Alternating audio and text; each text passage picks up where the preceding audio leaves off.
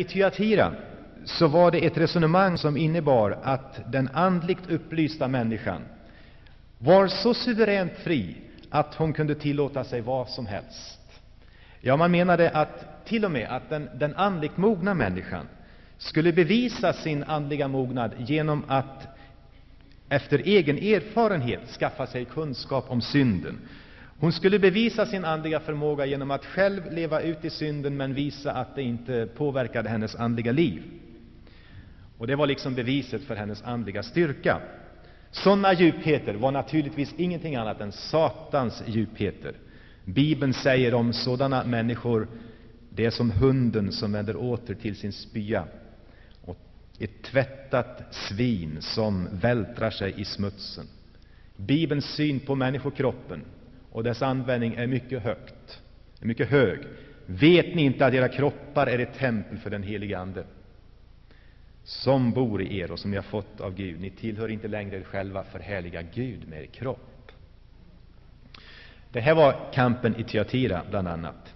Men från Tyatira så gick Uppenbarelsebokens budskap vidare ner till eh, staden Sardes, ungefär en fem mil i sydostlig riktning. Och Sardes det var en viktig handelsstad som genomkorsades av vägar. Norrifrån, söderifrån och västerut till Efesus och till Smyrna vid havet. Och vidare österut in i Frygien och handelsvägarna därut. Och genom sitt centrala läge så hade det här utvecklats till en mycket rik och förnäm handelsstad. Där man tog vara på bland annat ullen ifrån de många fårjordarna som vallades borta i Frygien och där man framställde eh, bomull och eh, andra tyger. Där tog man också eh, tillfället i akt att verkligen samla den rikedom som eh, kom att uppstå genom den rika handel man bedrev. Sardes var det forna konungariket Lydiens huvudstad och betecknades som den tidens kanske rikaste stad i hela den då kända världen. I Sardes kan ju vara intressant att veta om, så ägde den första myntpräglingen rum just på 500-talet före Kristus. Och liksom i Tyatira så fanns i den här församlingen eh, vissa problem, ja, många stora problem som vi snart ska se, som tydligen hade påverkat, eller låtit påverka sig utav sin omgivning. I Tyatira fanns liksom i, Perg, förlåt, i Sardes fanns liksom i Tyatira en färgindustri. Och genom staden så flöt floden Paktolos. Och den innehöll guld. Så där vaskade man fram guldstoft och guldklimpar. Och det fanns alltså direkta naturtillgångar som bidrog till Sardes rikedom och till den handel med juveler som förekom där. Men Sardes var inte bara välmående i materiellt avseende, den var också välbefäst i militärt, militärt avseende och betecknades som en mycket säker och trygg och ointaglig stad. Den låg nämligen uppe på en bergsbygd som en riktig fästning och var som ett jättelikt vakttorn över hela Hermosdalen. Man kunde ha uppsikt så att ingen fara hotade. Men i Sardes välstånd och förmenta trygghet så hade folket förletts till en eh, bekymmerslös livsföring, en moralisk slapphet. I Sardes älskade man nöjen, man vältrade sig i lyxen, och det ledde ofta till lösaktighet och bristande vaksamhet. Sardes befolkningens livsstil var något av ett ordspråk bland folken, till och med bland hedningarna. Så den grekiske historieskrivaren Herodotus, han levde på 400-talet före Kristus, han säger föraktfullt om Sardes, de lättfotade lydierna, som bara kan spela sitra och gitarr och ägna sig åt detaljhandel. I Sardes levde man bekymmerslöst. Det verkade nu som även församlingen i Sardes skulle ha dragits med av den här lättjefulla livsstilen, och man var i stort behov av att vakna upp det är egentligen nyckelordet, nyckelordet i hela det här brevet som vi idag stannar inför. Och ändå så borde just församlingen i Sardes och Sardes befolkning faktiskt från sin egen historia ha lärt sig just nödvändigheten av att hålla sig vaken.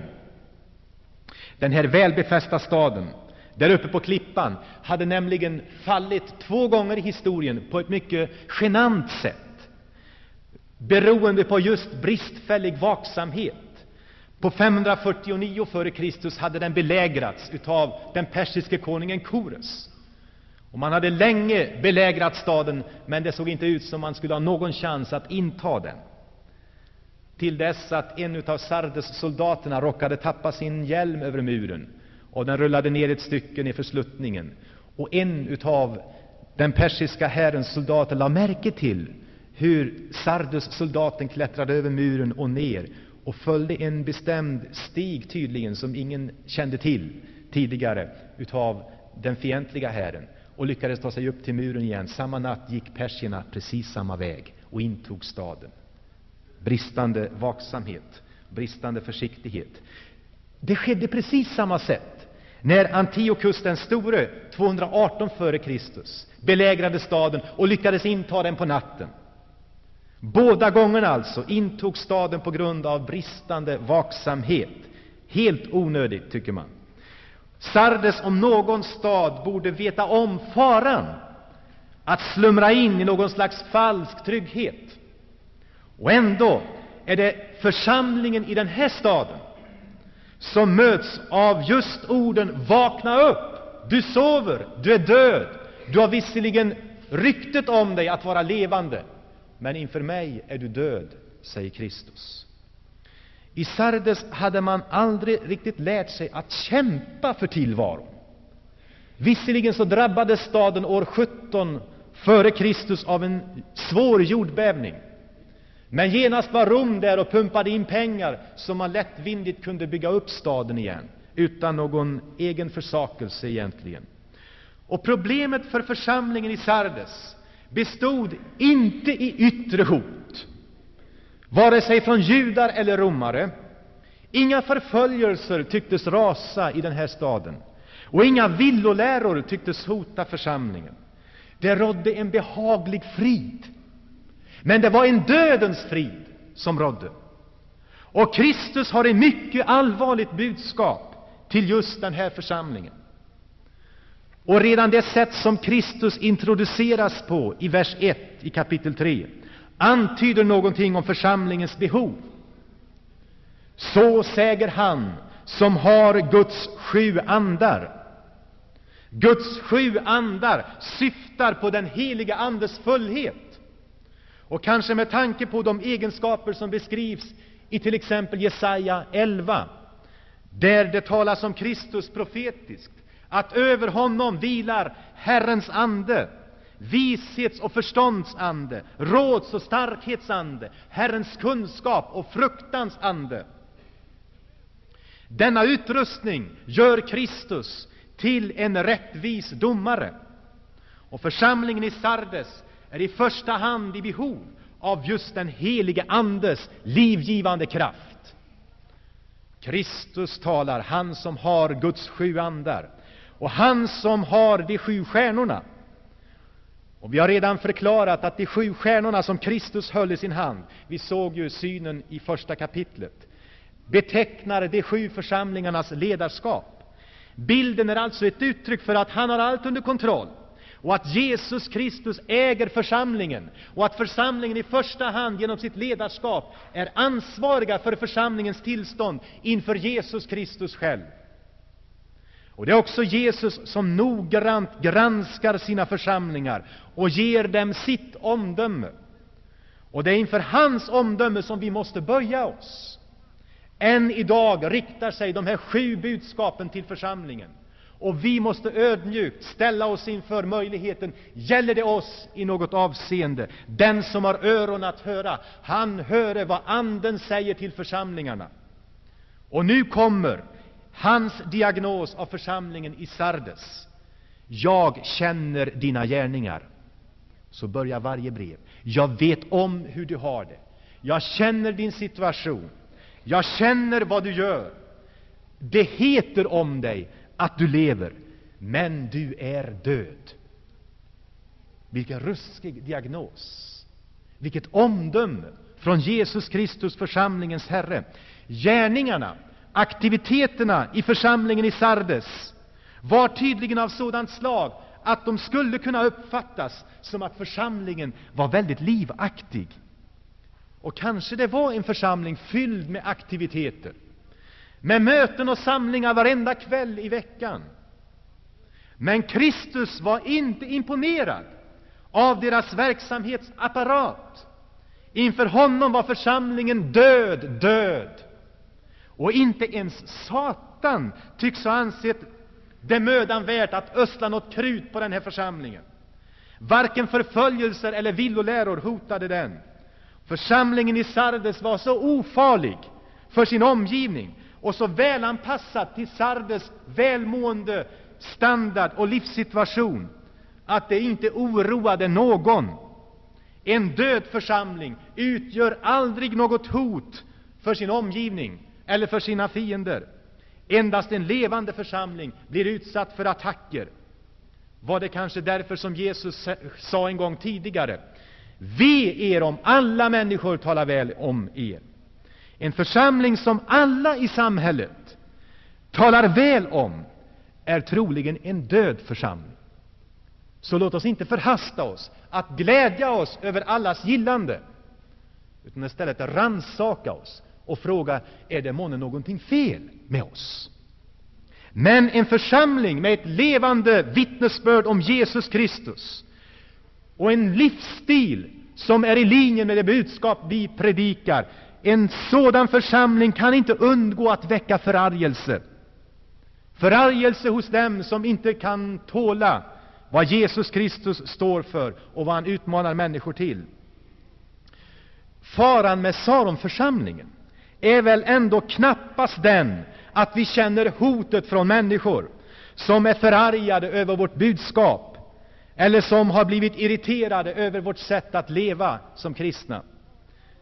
Jag är rädd för att faran förr är att vi har blivit så välanpassade och så uddlösa i vårt budskap och i vårt väletablerade sätt att leva att ingen ser sig föranledd att reagera nämnvärt när Saronförsamlingen kommer på tal i samhället. Visst har vi en verksamhet och visst har vi aktiviteter, men är det säkert att vi lever? Det är skrämmande att det kan finnas vackra kyrkor med en livaktig verksamhet som ändå nås av Kristi omdöme Tyvärr, du är död. Det farligaste som finns, det är när en Jesu Kristi församling håller på att utvecklas till en institution istället för att vara en levande Kristi kropp, en organism där den helige Andes pulsslag ständigt slår. Är det en levande församling som du och jag tillhör? Det är en levande Gud vi bekänner oss till. Och en levande Gud, han vill ha en levande församling. Och det Gud har vidrört är någonting som måste leva. Den levande Gudens församling, står det om den kristna församlingen. Har församlingens skyddade miljö invaggat oss i en falsk trygghet och en falsk säkerhet, där vi tror att allt står väl väl till? Och det är mycket som kan se ut som vore det en levande församling. Ritualen kan finnas där, predikan kan finnas där, bönerna, sången, alltihop. Och gudstjänsterna följer sitt givna mönster. Allt finns där, men i Guds ögon som ett tomt skrammel. Det vore skrämmande om det vore så med vår församling. Jag hoppas inte så är fallet, och jag tror inte så är fallet, men ändå måste vi ta emot denna varning. Jag vet inte om det är blodeken som står där än idag, fastän hösten är långt gången, och håller fast vid sina löv, fast de är stendöda. Och när vinden blåser genom dessa ekar så är det bara ett rassel av död, men inte ett sus av liv som genom sommarens gröna bladverk. Församlingen i Sardes hade ryktet om sig att vara en levande församling. I människors ögon såg den ju levande ut. Men den arbetade i egen kraft, eget program, och den andliga pulsen hade avstannat. och dött bort. Vad är det som gör att en församling lever under hotet att dö? William Barclay i sin kommentar nämner tre dödsfaror. Den första faran är när en församling börjar tillbedja sitt förflutna. När den lever på minnen från fornstora dagar och tänker på vad som förr var och är mer upptagen med sina traditioner än med sina ideal och sina visioner att gå vidare, då är församlingen på väg att dö. För det andra, den är på väg att dö när den är mer angelägen om former än om liv. När en församling blir mer angelägen om att allt ska ske på ett korrekt sätt, efter en korrekt ritual, mer angelägen om de yttre formerna än om det inre livet. Och när man känner sig generad och störd så fort någonting bryter mönstret. Man sysslar mer med frågan om hur saker och ting ska göras än frågan om varför de ska göras. Vad är syftet med det vi gör? Bara allt sker på rätt sätt så är man nöjd. Ett sken av Guds fruktan, men ingen kraft. En sån församling är på väg att dö. För det tredje, när man bryr sig mer om materiella ting än om andliga. När man bryr sig mer om det yttre än om människor. Då har man snart blivit en förening istället för en Jesu Kristi församling. Och jag skulle vilja tillägga ett fjärde skäl till att en församling går mot en säker död. Jo, när man inte längre lever i missionsbefallningen och har den pulserande i sitt hjärta, utan är mera angelägen om att slå vakt om sina tillfälliga positioner än att vinna världen för Kristus, än att nå utanför kyrkans väggar. När inte längre nöden för världen finns i vårt hjärta, i församlingens hjärta, då är församlingen på väg att dö. Det är ett livsvillkor, mina vänner, att vi håller nöden för världen och människorna levande mitt ibland oss, både som individer och som församling. På den smärtsamma diagnosen följer nu en rad uppmaningar från Jesus som visar hur problemet i Sardes måste åtgärdas. Vers 2. Vakna upp! Var på er vakt, alltså. De liknar de varningsord som Jesus ofta riktade till sina lärjungar, bland annat i Lukas 21. Var på er vakt, så att inte era sinnen fördunklas av omåttlighet av dryckenskap, säger han till och med, och av livets bekymmer, i och för sig legitima saker som kan finnas i vår omgivning. Men var på er vakt så, att, så att era sinnen inte fördunklas av omåttlighet och av livets bekymmer. Tänk att till och med det kan fördunkla vår andliga klarsyn. Tillståndet i Sardesförsamlingen hade säkerligen inte kommit plötsligt, utan som en långsam process hade sömnen smugit sig på. När man givit efter och brustit i vaksamhet på den ena punkten efter den andra, till dess att man inte var känslig längre, till dess att man inte själv märkte att man faktiskt var sovande och andligen död. Jag föreställer mig att den här diagnosen kommer som en riktig chock för församlingen. Man höll ju igång alltihop. Det flöt ju. Det fungerade ju till synes. Och så kommer Jesus och säger, du är död. Bedrar vi oss själva ibland? Så säger Jesus, stärk det som finns kvar och som var nära att dö. Det här var inte en avfällig församling, lägg märke till det. De klandras inte för att ha övergett den sanna läran eller för att ha lånat sig åt villoläror. Nej, men de hade slumrat in och inte låtit ordet och sanningarna få grepp om deras liv. Vakna upp och stärk det som finns kvar. Ta vara på det som ni har hört, kommer han att säga. Dina gärningar håller nämligen inte måttet inför min Gud. Det fanns gärningar i Sardesförsamlingen. Det fanns böner men som inte nådde längre än till taket där de möttes, därför det var böner som mera tjänade till att förgylla gudstjänsterna kanske, än, som, än att vara uttryck för ett verkligt beroendeförhållande till Gud själv och ett uttryck för en livsgemenskap med Gud. Böner som mera hade syftet att fylla ut och förgylla och predika och imponera, än som ville nå Guds hjärta. Och det fanns säkerligen givande och offrande också i den här rika församlingen, i den här rika staden. Men det är inte säkert att man gav av hjärtats tacksamhet till Herren Jesus Kristus för vad han hade gjort för dem, utan mera av en kall plikt. Och inför Gud var det döda gåvor. Observera att Gud alltid är mer intresserad av varför du ger än vad du ger. Du kan aldrig imponera på Gud med ditt givande. Han är mer intresserad av hjärtat än av pengarna. Och egentligen sörjer han när han ser att du ger av ett kallt hjärta, av en kall förpliktelse, för att du tror att det så måste vara. Vi kan aldrig manipulera Gud med våra gåvor. Och egentligen så, så vågar jag säga så här. Om du inte kan ge av kärlek till Gud, av tacksamhet till vad han har gjort i ditt liv, då är det bättre att du väntar med att ge. Jag tror inte kollekterna skulle bli mindre för det. Jag tror vi frimodigt skulle kunna förkunna detta. Ge ingenting förrän du känner att du måste ge på grund av att Guds kärlek är utgjuten i ditt hjärta.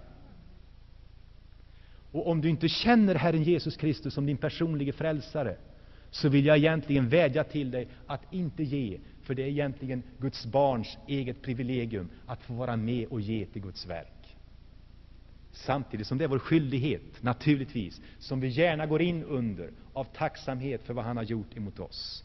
Gud älskar ju en glad givare, inte den som ger av olust eller av tvång. Gud är inte beroende av dina och mina gåvor på det sättet. Men han ser det som ett medel att påverka våra hjärtan och välsigna oss. Vers 3. Kom ihåg. Kom ihåg vad du har hört och vad du har tagit emot. Håll i minnet. Det är presens futurum. Eh, presens imperativ, förlåt. Håll i minnet. Håll på att komma ihåg. Glöm aldrig av. Tänk ständigt på. Gå tillbaka till det som du en gång tog emot till det som du hörde. Vad syftar han på? Han syftar säkerligen på evangeliet och på Guds ords förkunnelse som hade mött församlingen i all sin rikedom. Kom ihåg vad du har tagit emot. Ja, minnet har en väldig kraft egentligen. Och ibland så händer det att jag kommer tillbaka till de stigar och de vägar där jag sprang och lekte som liten pojke, både uppe i Dalarna och i Värmland. Och vet du vad som händer när man just går på de där vägarna? När man ser husen, träden, stenarna, vattendragen. Minnena väller fram ur ens inre och blir så levande för en. Och man förflyttas 10, 20, ja 30 år och kanske mer för en del tillbaka i tiden med hjälp av associationerna från det man ser. Och det är lika som Jesus skulle vilja säga till denna döda församling, gå tillbaka till Golgata kors.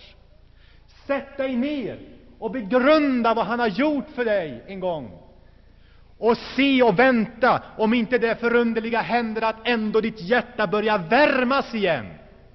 Och den heliga Andes liv börjar flöda genom dig igen. Och ditt böneliv väcks till liv och blir vitaliserat och på nytt fött.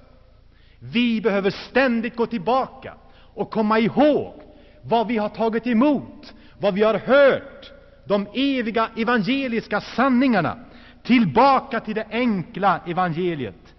Det är en plats där Gud vill väcka nytt liv i oss. Våra hjärtan värms när vi tänker på Golgata kors.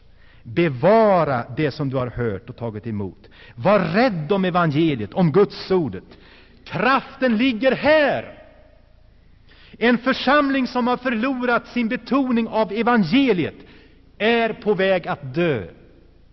Evangeliet, de glada nyheterna om att Jesus har vunnit seger över synd och död, Det är själva drivkraften det, i en levande församling. Och låt oss aldrig börja blygas för evangeliet. Nej, vänd om, säger han nu i slutet av vers 3. Vänd om till en ny betoning av den levande Gudens ord. En ändring måste komma till stånd i Sardesförsamlingen om den skulle kunna räddas. För om du inte vaknar, om du inte vaknar, ska jag komma som en tjuv, och du ska inte veta vilken stund jag kommer över dig. Och så möts församlingen om, av hotet från Jesus Kristus själv att han måste komma över denna församling på något sätt i form av dom och tuktan. Men även i en död församling kan det finnas några som lever kvar i andlig vitalitet. Så var i alla fall fallet i Sardes. Titta hur det står i vers 4. Men du har några få, några få i Sardes som inte har fläckat sina kläder. Det rörde sig om en minoritet.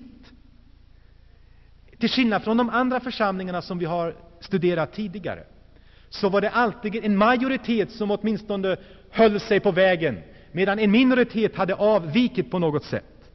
Men här är det tvärtom. Här har majoriteten fallit in i en behaglig slummer, som Gud betecknar som andlig död, medan en minoritet fortfarande kämpade och bevarade sina kläder vita. Och det låter oss förstå att majoriteten alltså hade befläckat sina kläder, vilket betyder att man orenat sig på något sätt. Orenat sig med synd. Synd är alltid orsaken till att det andliga livet avtar. Synd i någon form är alltid orsaken till att det andliga livet avtar. När vi framhärdar att leva i ouppklarad synd tystnar så småningom den helige Andes känsliga röst inom oss. Och det är det mest tragiska som kan ske i en kristen människas liv. Hon hör inte rösten längre en gång. I början grät det inom henne.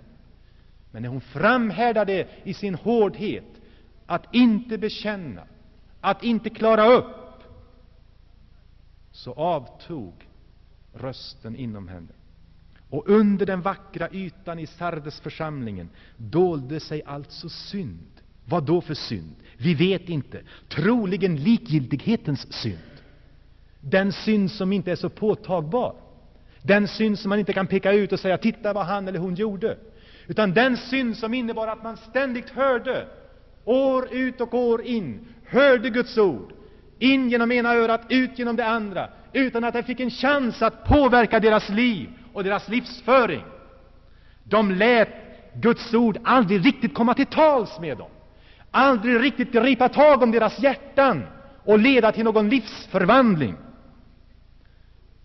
Men det fanns de som levde i lyhördhet och i lydnad för Guds ord och Guds ande. Och de utlovas nu att få vandra med Kristus i vita kläder.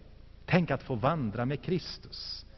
Det betyder att få upprätthålla en oavbruten gemenskap med honom.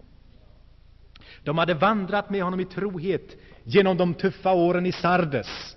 För det kan vara tufft med likgiltighet omkring sig. Kanske mera tufft än aktivt motstånd.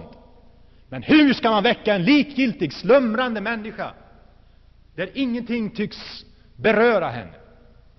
Jag föredrar faktiskt den öppna antagonismen framför likgiltigheten och ljumheten. Kanske anspelas här på företeelser som var gängse åtminstone vid det persiska hovet, nämligen att konungen lite då och då valde ut sina favoriter, sina trogna, lojala medtjänare och gav dem förmånen att få vandra med honom i de konungsliga trädgårdarna. Är det här som anspelas på när vi nu möter ordet ”du ska få vandra med mig i vita kläder”? Och jag höll på att säga, det spelar ingen roll, Herre, vad jag får ha för kläder. Om de är skära eller gröna eller blå eller vilken hemsk färg som helst. Bara jag får vandra med dig. Tänk att få vandra med honom. Eller är det en antydan till Enok? eller Hanok som han kallas också, i Gamla testamentet, om vilken det står att han vandrade i gemenskap med Gud. Och man såg honom inte mer, ty Gud tog honom bort. Vandringen med Gud börjar i det här livet, men den upphör aldrig. Den upphör aldrig. När den jordiska vandringen är slut uppstår istället en ännu intimare vandringsgemenskap med Jesus Kristus. Ja, i vita kläder. Så vi behöver inte bråka om färgerna. De ska tydligen vara vita. Och det talar om renhet förstås. Den renhet som ska känneteckna den himmelska tillvaron. De vita kläderna är ett tecken på att Gud har mottagit oss och Gud har erkänt oss. Ett gudomligt erkännande av den trogne övervinnaren, ett erkännande av deras tjänst och deras ställning inför Gud som präster. Ni vet väl att den vita linnedräkten var leviternas prästdräkt i Gamla testamentet. De vita kläderna symboliserar renhet, men också högtid, festlighet, förstår ni. Det kristna livet, det ska vara någonting av en fest. Och ibland undrar jag, var i all världen har festen tagit vägen i Guds församling? Det har blivit så mycket av grå vardag. Vi behöver fest i Guds församling. Och vi har sannerligen orsak att fira fest för Kristi församling är ju på väg till världshistoriens största och viktigaste händelse, den som Uppenbarelseboken kallas, kallar för Lammets bröllop. Vilken högtid det ska bli, när han ska sitta ner med oss och på nytt dricka av det som kommer från vinträdet, som han säger, i sin faders boningar. Vilken fest det ska bli när Lammets bröllop firas! Och den kristna tron borde ge något av en daglig fest åt livet, här och nu, också på måndag morgon. Skulle du känna någonting av feststämning? Jag är ju en kristen! Jag är ju på väg någonstans. Det finns ju ett mål med mitt liv. Jag har rena vita kläder som han har givit mig. Och Gud, vad jag är glad! De vita kläderna var i antiken också segerdräkten. De vita kläderna vittnar om att vi har delaktighet i Jesu Kristi seger, att vi är övervinnare, att vi är segrare och inte förlorare, och att vi skall triumfera tillsammans med Kristus. Han skall kläda oss i vita kläder, står det. Den som vinner seger skall få bekräftelsen genom de vita kläderna på att segern är vår. Och att vara kristen, det är inte bara att leva i feststämning, det är också att leva i segerstämning. I segerstämning. Vi är inte på väg att gå under, nämligen. Vi är på väg till historiens största triumf, som vi skall dela med Kristus när han återinträder i historien som segerfursten. Och alla de som tillhör honom skall kallas upp till regeringssamtal med honom för att få dela hans regeringsmakt och vara med och förverkliga Kristi seger. Profetiskt förkunnade Jesaja i det 61 kapitlet. Jag gläder mig storligen i Herren, och min själ fröjdar sig i min Gud. Ty han har klätt mig i frälsningens klädnad, han har höljt mig i rättfärdighetens mantel. Liksom när en brudgum sätter högtidsbindeln på sitt huvud, eller liksom när en brud pryder sig med smycken. Kristi församling, du är vacker. Du är klädd i högtidsskrud. Du är på väg till en slutlig förening med brudgummen Jesus Kristus. Kan du inte känna något av feststämningen? Kan du inte känna något av högtiden i ditt hjärta, av segeratmosfären i ditt liv? Det är detta som skall lyfta oss ur de småaktiga sammanhangen, ur likgiltighetens sömn. Vi har någonting att verkligen glädjas över och hurra för och fira högtid för. I den tidiga församlingen så var det ju så att när man döptes så blev man efter sitt dop klädd i vita kläder. Som en symbol för ett renat liv och för Kristi rättfärdighets gåva. Du är välkommen till dopet i Kristus. Det är en bekräftelse av just detta som jag talar om, att du tillhör honom och att du delar hans seger. Och om du inte gör det, min vän, så måste du idag få ditt namn inskrivet i Livets bok. För nu säger Jesus i avslutningen den som segrar skall alltså kläs i vita kläder, och jag skall inte stryka hans namn ur Livets bok. Jag skall kännas vid hans namn inför min fader och inför hans änglar. I antikens städer så förde man register över varje ny medborgare som föddes i staden. Men när någon dog så ströks hans namn ur stadens register. Livets bok, denna märkliga bok som symboliserar att Gud vet om oss. Egentligen står det ju också att vi är tecknade på hans händer upptar alla dem som förtröstat på Jesus Kristus och hans försoningsverk och därmed blivit delaktiga av hans seger.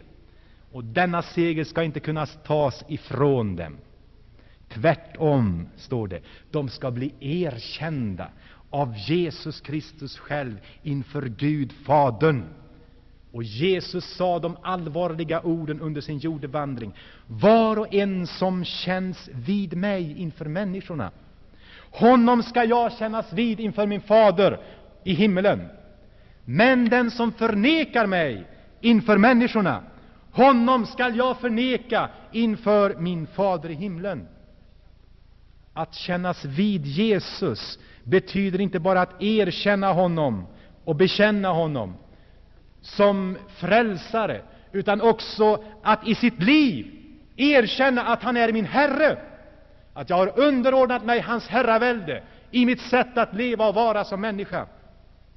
Det skall komma en dag då all falsk religiositet och all falsk religiös aktivitet skall avslöjas och klädas av oss. På den dagen då många skall komma och säga till och med Herre, Herre, har inte vi profeterat i ditt namn? Har inte vi drivit ut onda andar i ditt namn? Har inte vi utfört många underverk i ditt namn? Och de skall mötas av det ohyggliga svaret från Jesus själv. Jag känner er inte. Försvinn härifrån, ni ondskans hantlangare. Men tänk att istället bli erkänd av Jesus inför Guds tro. Tänk att han skall säga om dig och mig när vi träder fram, kanske bävande. Honom känner jag. Henne känner jag. Han är en av de mina, hon tillhör mig. Inför Gud Fadern erkänna sig till dig och mig. Vilken fantastisk upplevelse! Där Guds helighetstron står, där änglarna ständigt uppehåller sig med att förkunna Helig, helige Herren Sebaot. Och så kommer syndafallna jordevarelser fram och får sitt erkännande av Gudasonen, en av de mina, Fader, som har förtröstat på mitt blods försoning, tvagit sina kläder och gjort dem vita i Lammets blod. Är du en av dem? Är du en av dem vars namn finns i Livets bok? Är du en av dem som bekänner Jesus Kristus i ditt liv och i din livsstil? Han vet hur du har det. Han känner dina gärningar. Han sätter sina fingrar på din puls i andlig bemärkelse. Och han vet om den slår eller om den har tystnat.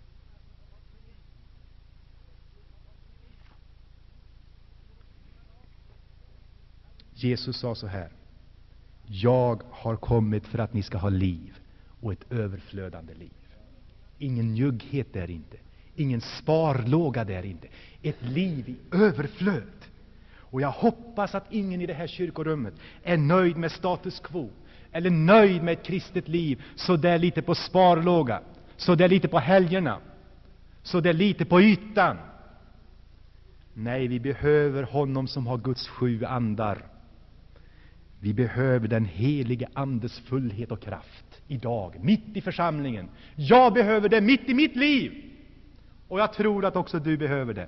Och den heliga Ande behöver få grepp om hela vår personlighet, inklusive känsla, vilja och förstånd.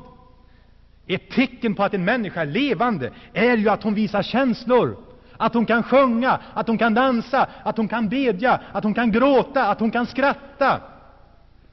Det är endast de döda som inte har några känslor kvar. Nog klarar vi gudstjänstprogrammet alltid, och till och med ett ganska välfyllt veckoprogram. Men när var sista gången då du verkligen var entusiastisk och brinnande? När du hörde Guds sanningar? När fick det greppa om ditt hjärta?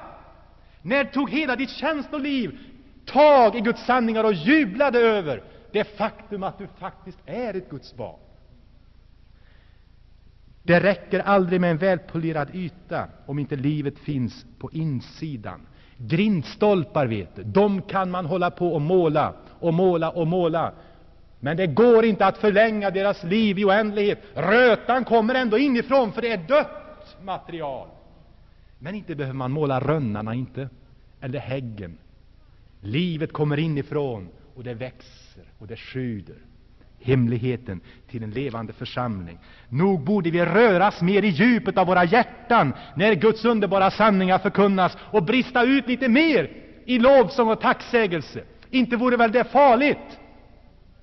Om det funnits lite mer av leenden och glädje i Guds församling. Tystnaden och stillheten har sin givna plats i den gudstjänstfirande församlingen. Men om det är en levande församling måste också entusiasmen och gripenheten och glädjen ta sig märksamma och påtagliga uttryck. Så är det nog. Inte skulle det skada med lite mera glöd och värme ibland oss, eller hur? Lite mera nöd också för världen där utanför, för dem som fortfarande är främlingar för hans nåd. Lite mer av sorg över att det ser ut som det gör i världen idag. Nåväl, det är ingenting vi själva kan suggerera fram eller ska försöka arbeta upp någon slags stämning. Men av djupet i våra hjärtan måste vi komma och tillsammans ropa liksom till Gud. O Gud, väck hela vår församling! Låt ditt liv vibrera ut i varje lem i församlingskroppen. Inte bara som en känsloupplevelse, utan något som får grepp om hela vår personlighet och går igen i vardagslivet. Det är endast om du är andligt levande som du kan behaga Gud. Kom ut ur din dvala idag. Låt honom väcka dig ur din sömn. Du har sovit tillräckligt länge. Nu är det dags att vakna. Du måste vakna. Du måste vända om. Som den förlorade sonen kanske, om vilken fadern sa, denne min son var död, men nu lever han igen. Han var förlorad, men nu är han återfunnen. Och festen började, står det. Festen började. Vet du, Gud vill fest i ditt hjärta. Gud vill fest i ditt liv. Inte bara den grå vardagen med sina bekymmer. Gud vill andligt livsflöde i ditt liv. Är någon törstig, så kom han till mig och dricke. Den som tror på mig av hans innersta ska strömmar av levande vatten flyta fram. Är du törstig idag? Har livet hållit på att slockna hos dig? O, att du idag inte ville förhärda ditt hjärta, utan låta Guds ande bringa dig till nytt liv, så att det andliga livets källsprång väller fram inom dig. Låt oss bedja.